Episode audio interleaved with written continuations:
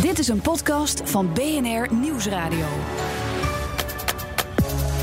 Dat is hem dan, de laatste aflevering van de Cashless Future. De podcast van BNR over digitaal betalen. Inhoudelijk onafhankelijk gemaakt, maar financieel mogelijk gemaakt door VP van Visa.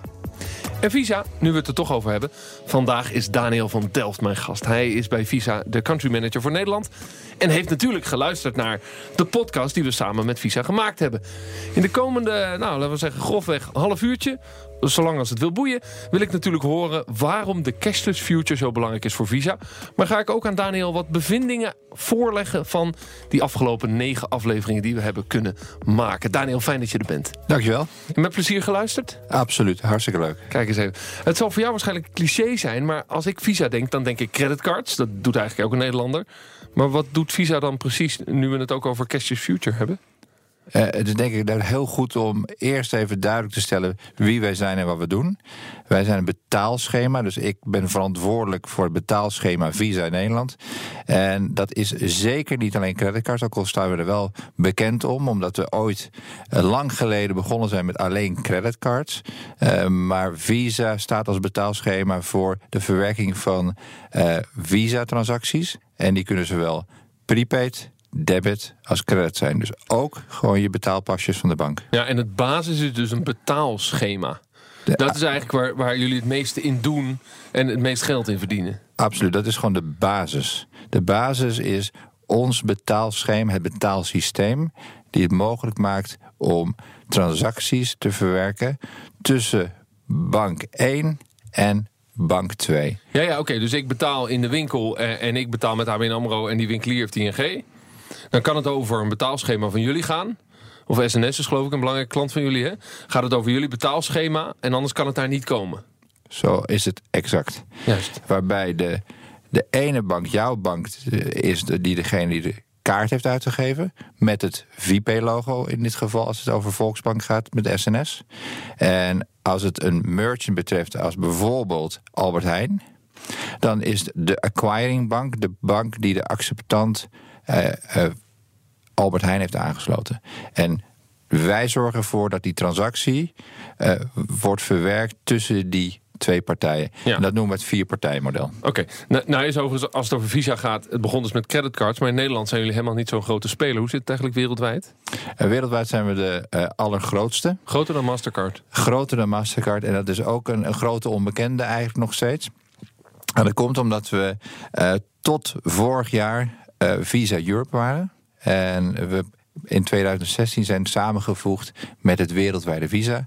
En het wereldwijde Visa is met 14.000 klanten, dus eigenlijk 14.000 banken, uh, de, het grootste betaalschema in de wereld. Ja, nu kan ik me voorstellen dat er heel veel technologie in zit. In de podcast ging het heel vaak over fintech-bedrijven die, laten we zeggen, ja, heel veel revolutie in betaling teweeg brengen en teweeg gaan brengen. Zou je Visa eigenlijk ook een fintech-speler kunnen noemen?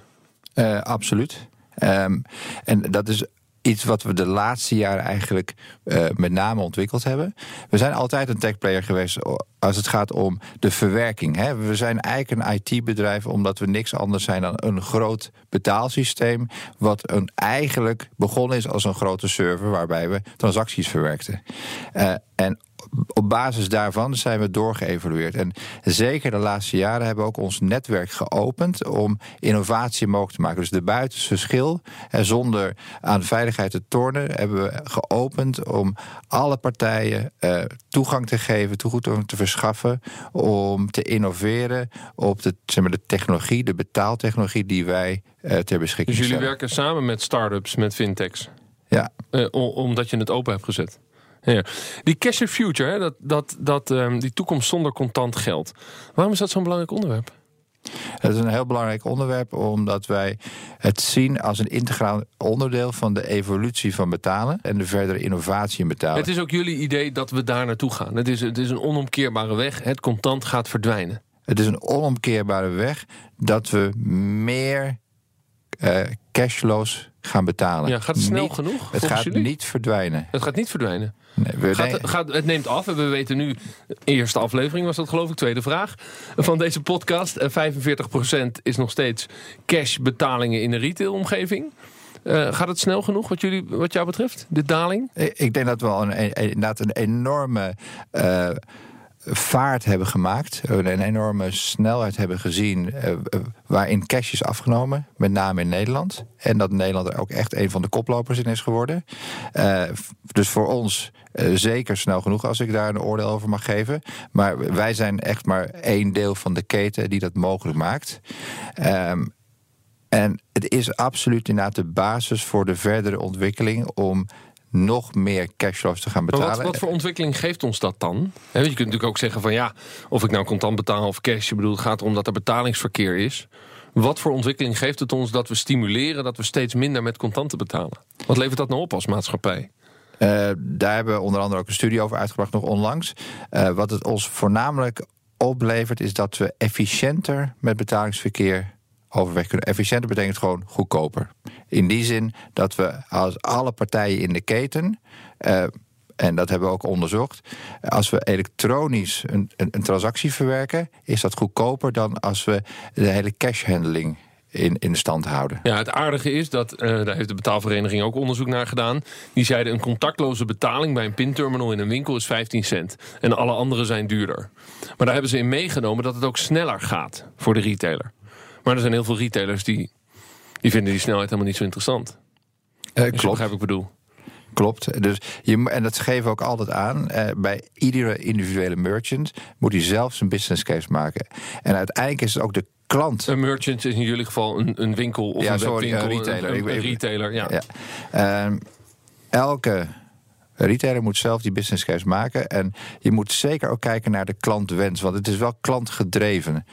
Uh, en dat hebben we bijvoorbeeld gezien bij de introductie van contactloos in 2008. Hè, om even perspectief te plaatsen. In Engeland. Daar was het dat de retailers zelf als eerste contactloos aanboden. Dat de eerste kaarten waren uitgebracht. Maar het was nog onvoldoende bekend bij de klant. En wat gebeurt dan? Dat die terminal weer gewoon uh, secundair wordt. En gewoon de, de oude terminal weer terug op die balie komt. En wat je nu ziet en wat we denk ik goed hebben gedaan in Nederland, is om het als collectief gezamenlijk neer te zetten. En eh, zowel dus de aanbodzijde, dus de retailers mee te nemen vanaf vanaf, A, vanaf punt 0. En de consument ook door uh, vanaf punt 0 die kaart in handen te geven. Ja, nu is het aardige natuurlijk dat als je uh, uh, alleen met cash kunt betalen, uh, daar, daar roept bij, bij sommige mensen weerstand op. Zeggen, kan ik hier niet pinnen? Er zijn nog heel veel plekken waarbij je alleen maar met cash kunt betalen. Is dat een irritatie voor jou of een frustratie? Begrijp je überhaupt dat er retailers zijn die er niet aan beginnen? Aan pinnen en aan überhaupt? Persoonlijk en moet ik toegeven dat het steeds meer een frustratie wordt. Ja. Ik, ik, ik kan nog wel begrip opbrengen. Maar als ik bij de taxichauffeur in Frankfurt, uh, wat ik nog bijna wekelijks heb, uh, gedwongen word bijna om cash af te rekenen, vind ik dat iets vreemds eigenlijk. Ja, maar dat is Duitsland, hebben we ook in de podcast behandeld. Er zit 80% nog op contant geld. Uh, exact. Ja, dus, en, dus en, daar hebben jullie nog wat te doen. Daar willen we ook zeker wat doen. En daar zijn we ook absoluut goed mee bezig. Maar de, daar is de, de, de weg nog langer.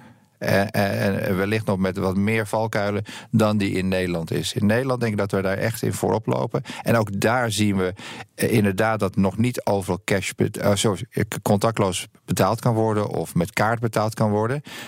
Maar de, uh, laat ik zeggen, de, de gap wordt steeds kleiner. Oftewel, okay. je ziet zelfs bijvoorbeeld op de, als je naar de markt gaat dan kun je bijna overal tegenwoordig ja, met pin er zit, betalen. Er zit, er zit een beweging in. Dan ja. de zorg als het gaat over digitaal betalen. Luister even mee naar uh, privacydeskundige Ancilla van der Leest. Je maakt jezelf eigenlijk ontzettend afhankelijk van, uh, van bepaalde infrastructuur, maar natuurlijk ook van een, uh, een derde tussenpartij. Het is niet meer alleen tussen jou als uh, koper en een andere persoon als verkoper. Uh, maar elke keer als jij pint, dan vraag je eigenlijk toestemming aan de bank om jou uh, die betaling te mogen laten doen. Dus in die zin maken we onszelf, zeker als die echt die optie verdwijnt om contant te betalen, zijn we massaal afhankelijk van de bankaire sector. Oftewel, met alleen maar ehm, digitaal betalen word je uiteindelijk afhankelijk gemaakt, Daniel. Uh, en wij zijn ook altijd voor een level playing field. En daarom gaf ik ook het begin aan. Wat bedoel je daar dan mee? Nou, In reactie op deze vraag? Wij zijn voor level playing field? Daar bedoel ik mee dat er altijd keuze moet zijn voor de klant. Ja, maar die is er niet altijd. Want er zijn steeds meer winkels waar ik alleen maar digitaal kan betalen. Um, er zijn meer winkels inderdaad waar je alleen uh, contactloos of met kaart kan betalen. Dat juichen we aan de ene kant toe. Maar aan de andere kant zien we wel dat je op jouw doelgroep je moet richten. En eh, de klant is koning, dat blijft gewoon zo. Kijken naar markt bijvoorbeeld, als supermarkt, die uh, alleen kaarten accepteert en geen cash meer. Die heeft daar klaarblijkelijk geen last van. Dus klaarblijkelijk past dat in het segment waar markt zich beweegt. Ja, maar kan er een, een moment komen dat er zo weinig contant betaald kan worden, zoals in Zweden, zoals in allerlei andere landen, dat alles op digitaal zit, dat je uh, ja, dat je het ontneemt bij de consumenten. Terwijl er ook consumenten zijn die gewoon een behoefte hebben om anoniem te betalen. Want dat is natuurlijk het punt met betalen met PIN. Of met welke vorm van digitaal dan ook. Het is niet anoniem, het is traceerbaar. Als je alle uh, strubbelingen wegneemt. Dus zorg dat feitelijk al die oplossingen worden ingevuld met goede oplossingen die kaart contactloos mobiel betalen uh, mogelijk maakt. Voor alle segmenten, inclusief uh, die waarbij je liever anoniem blijft. En uh, dan, dan kun je de, de weg plaveien om het daadwerkelijk meer cashless te maken. Je moet het niet pushen. Dat hebben we ook in het verleden geleerd. Je kan het niet uh, afdwingen ja, en goed, Jullie zijn er voorstanders van. Dat is natuurlijk logisch dat er meer digitaal betaald gaat worden. maar, maar je ziet niet de dreiging van het feit dat het daardoor de anonimiteit kwijtraakt... met alle rellen die we in het verleden gehad hebben... met de verkoop van pingegevens. En ja, partijen die zeiden van... hé, hey, hier zit marketing in. Omdat ik kan traceren wie wat waar koopt en waarom. Dat, dat, die angst die natuurlijk ook in de maatschappij kan leven... die, die, die zien jullie niet ik wil niet zeggen dat we die angst niet zien. Want wij zijn er natuurlijk ook al, jaren mee bezig. En wij vinden dat er goede regelgeving voor moet zijn. En dat er een goed kader wordt, moet worden geschapen. Waarbinnen je als maatschappij kunt opereren in een cashless omgeving. En dat je ervan uit moet kunnen gaan dat jij als klant in controle bent van de jouw data. Ja, dus die regelgeving data... moet de consument beschermen. Exact. Oké. Een andere zorg, uh, daarbij denk ik dan even aan mijn eigen kinderen. Kennen zij de waarde van geld nog wel? Gaan zij opgroeien met een gevoel van waarde voor geld? Als alles digitaal gaat. Luister even mee naar Jelle Zwaan van uh, Otli. Hij beschrijft een waargebeurd verhaal van een van de oprichters van Otli met zijn dochter. Ze lopen naar buiten en hij laat zien van nou, dit is jouw Otli en ik haal er nu 15 euro vanaf, want je hebt dat jurkje voor die Barbie gekocht. En vervolgens laat hij dan zien, nou, dan heb je nog 25 euro. En zij zo, nee, ik had 40 euro. Ja, maar je hebt nu een jurkje en daar heb je dus 15 euro voor betaald. En dus heb je nog 25. En zij zo, nee, nee, nee, nee, ik heb 40 euro. Oftewel, hoe neem je kinderen mee in, in getallen op schermen? Eh, en geef je ze wel het gevoel van geld, dat ze begrijpen dat als ze geld uitgeven, dat ze minder geld hebben? Ja, dat vinden we absoluut een heel belangrijk punt als Visa. En daar investeren we ook in, in die educatie.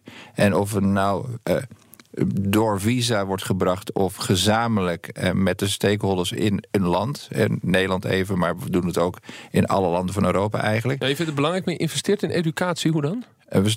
Uh, door samen te werken met scholen, door samenwerken met partijen, uh, zoals bijvoorbeeld de Betaalvereniging Nederland, uh, die uh, een vrijwilligersprogramma heeft opgezet waarbij medewerkers van banken lesgeven over hoe om te gaan met geld, hoe om te gaan met pinnen en hoe je inzicht krijgt en, en ook daar uitleg geeft welke middelen er voor jou zijn als kind om dat inzicht ook dicht bij je te krijgen. Dus je investeert in een onderwijsprogramma via verschillende kanalen. Doe je dat dan ook vanuit de insteek dat je inderdaad ziet dat het zonder contanten lastiger is om een gevoel van waarde en van geld op te bouwen als kind? omdat het op een appje staat of omdat het op een bankrekening staat. Het is niet tastbaar. Ik denk niet dat het lastig is. Ik denk dat het uh, een, een feit is dat we met z'n allen meer digitaliseren. En jij als kind gaat er automatisch in mee. Als ik naar mijn dochters kijk, die zitten gewoon op de bank met een iPad allerlei zaken te bestellen. En die weten donders goed of, die, of ze die 40 euro nog op hun rekening hebben of niet. Maar hoe oud zijn ze? Uh, die zijn 12 en 14. Ja, en dat begrijpen ze heel goed. Ik heb iets op mijn rekening en ze begrijpen wat dat is.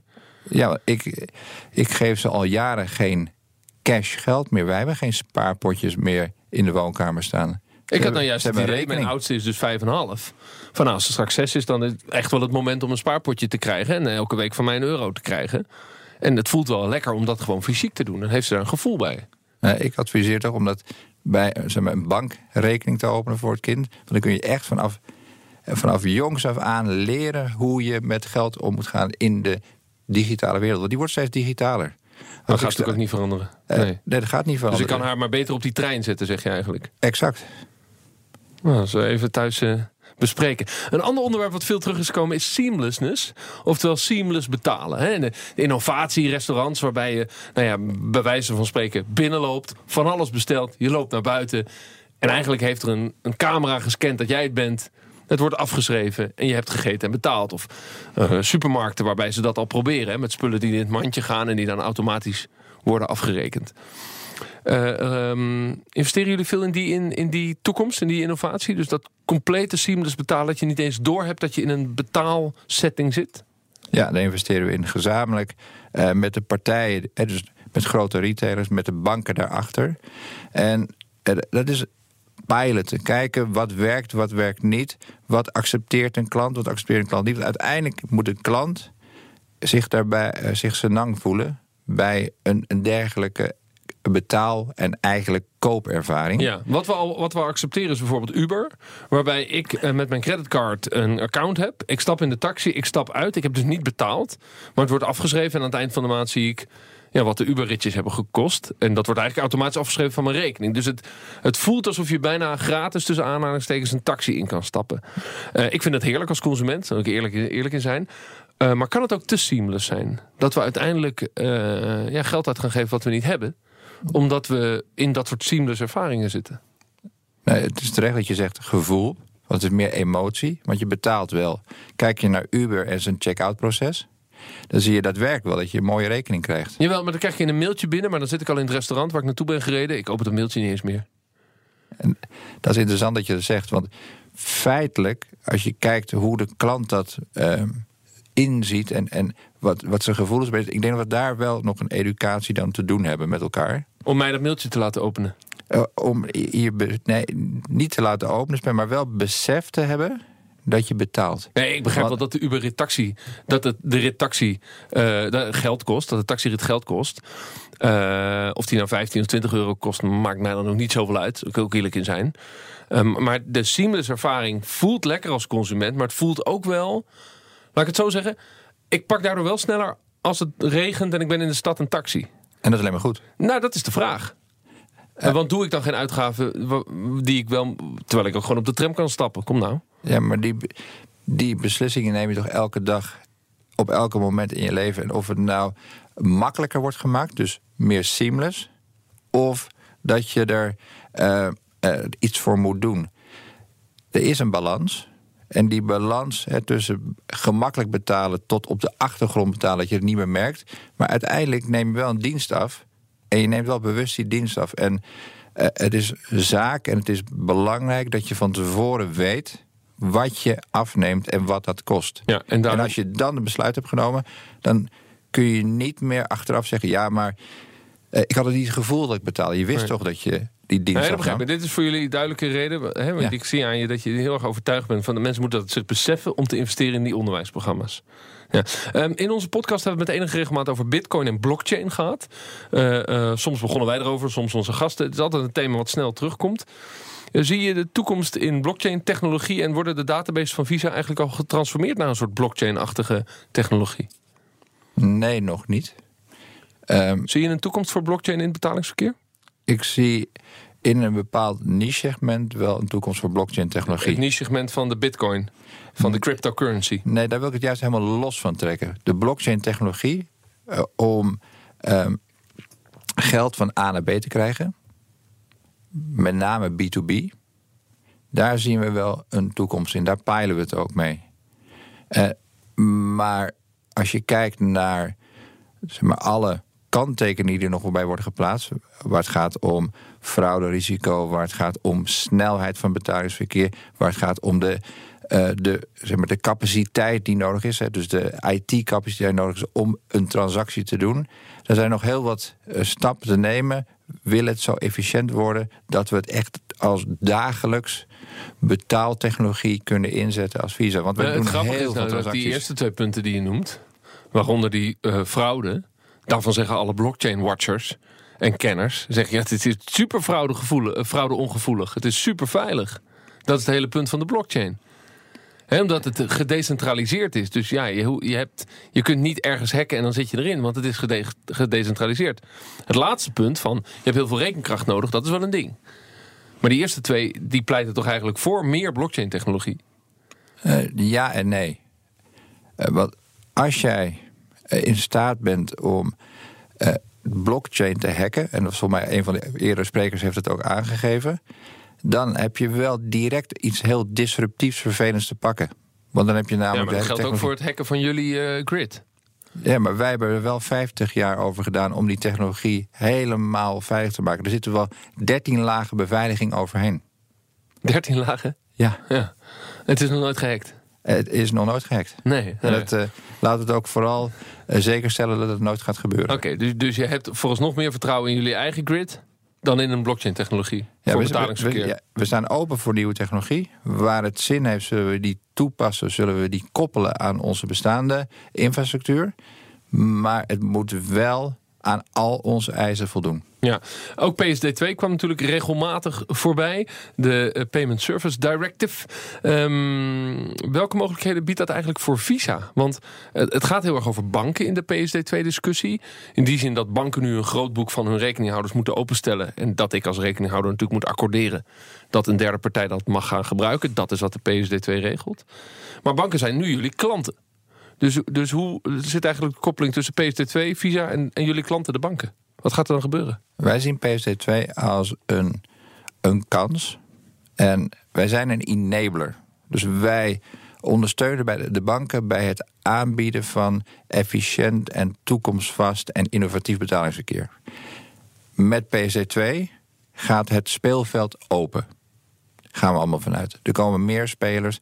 Naast de banken komen er ook meer fintech players die. Maar worden dat een concurrenten van jullie? Die zullen waarschijnlijk ook, dat hopen we als we goed genoeg zijn, onze componenten afnemen.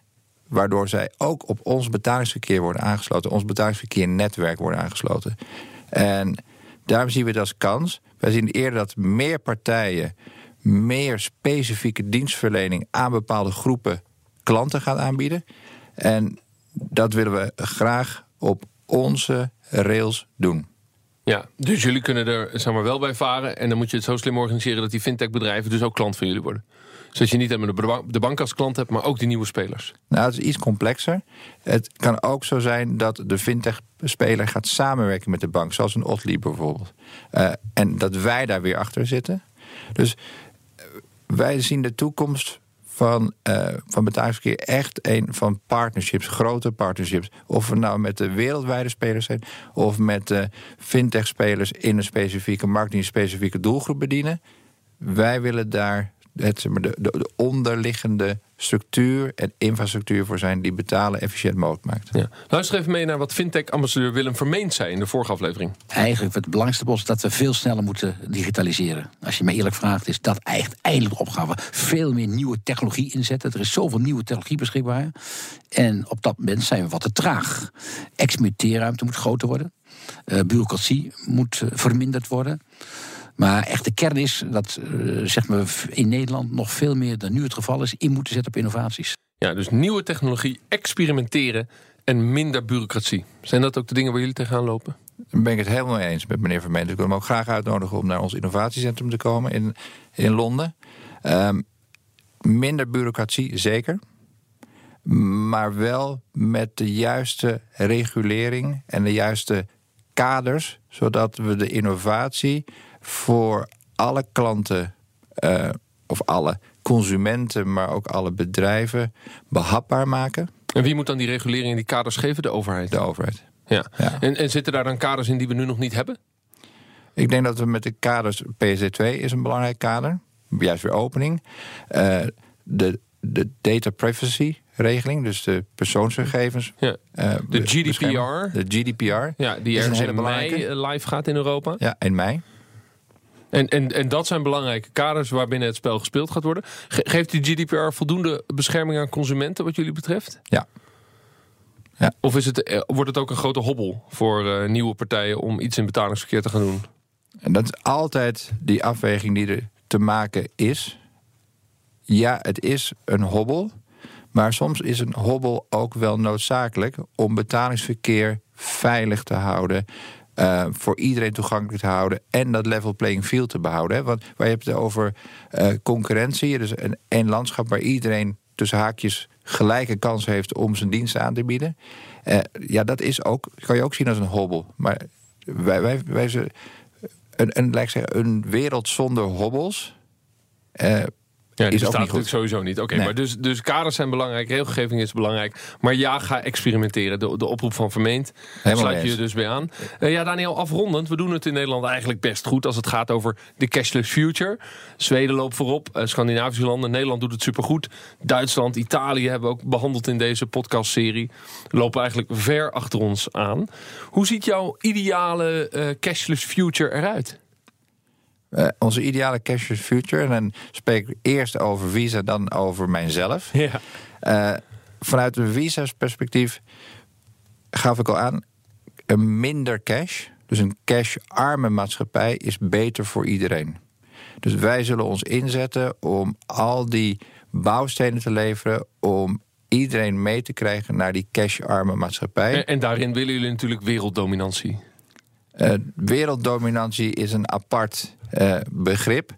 We willen de, de juiste bouwstenen leveren. En als we daarmee volume creëren. en op basis van onze standaarden volume creëren. dan denk ik dat we op de goede weg zijn. Maar we willen. Dominantie vind ik namelijk een negatief aspect. We willen wel dat level playing field bouwen. Er moet, er moet concurrentie zijn. Er moet, uh, want concurrentie is ook de aanjager van verdere innovatie. Ja, precies. Dus er zijn natuurlijk meerdere partijen. Laten we hopen dat dat zal ook zo blijven. Dat kan ook niet anders met de Europese regelgeving. Maar uh, uh, jullie willen daar natuurlijk een grote belangrijke speler in zijn. Dat begrijp ik ook. Uh, en dus wordt het een wereld met veel minder cash wat jou betreft. En persoonlijk dan? Is, wijkt dat dan af van het visa-standpunt? En persoonlijk, als ik echt in mijn directe leefomgeving kijk... en daar zou ik echt het liefst zelf alleen maar... en mijn hele familie ook alleen maar met kaartjes zien betalen. Je, je zou geen, überhaupt geen contant geld meer willen hebben? In, overal waar ik naartoe ga wil ik gewoon het liefst makkelijk kunnen betalen. Seamless, met het mooie Engelse woord, kunnen betalen.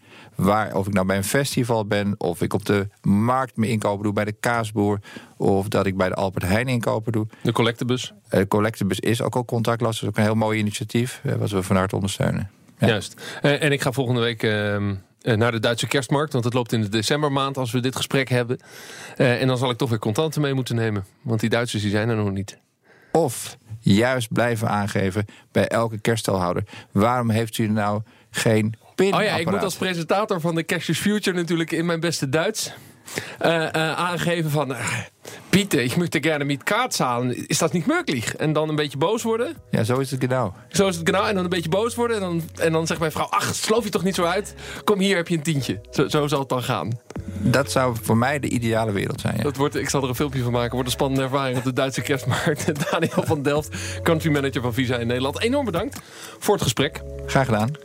Je eindigt het dan, de Cashless Future. En dat was de laatste aflevering in deze mooie serie. Wil je na vandaag reageren op deze podcast? Vind je eigenlijk nog veel meer afleveringen zouden moeten maken? Of wil je misschien in contact komen met Daniel en zijn collega's? Laat het ons dan weten. Mail naar cashless.bnr.nl Heel erg bedankt voor het luisteren. Fijn dat je de tijd hebt genomen. Ehm, we hopen dat je nu aan de slag kunt met het vormen van je eigen cashless future, zoals de oproep van Daniel. Ik wil gewoon overal met een pasje of een telefoon kunnen betalen. Nou, luister ook eens naar de andere podcasts van BNR. Warm aan te bevelen wat ons betreft. Dankjewel, tot de volgende keer. Dag. BNR, de Cashless Future, wordt je aangeboden door VP van Visa.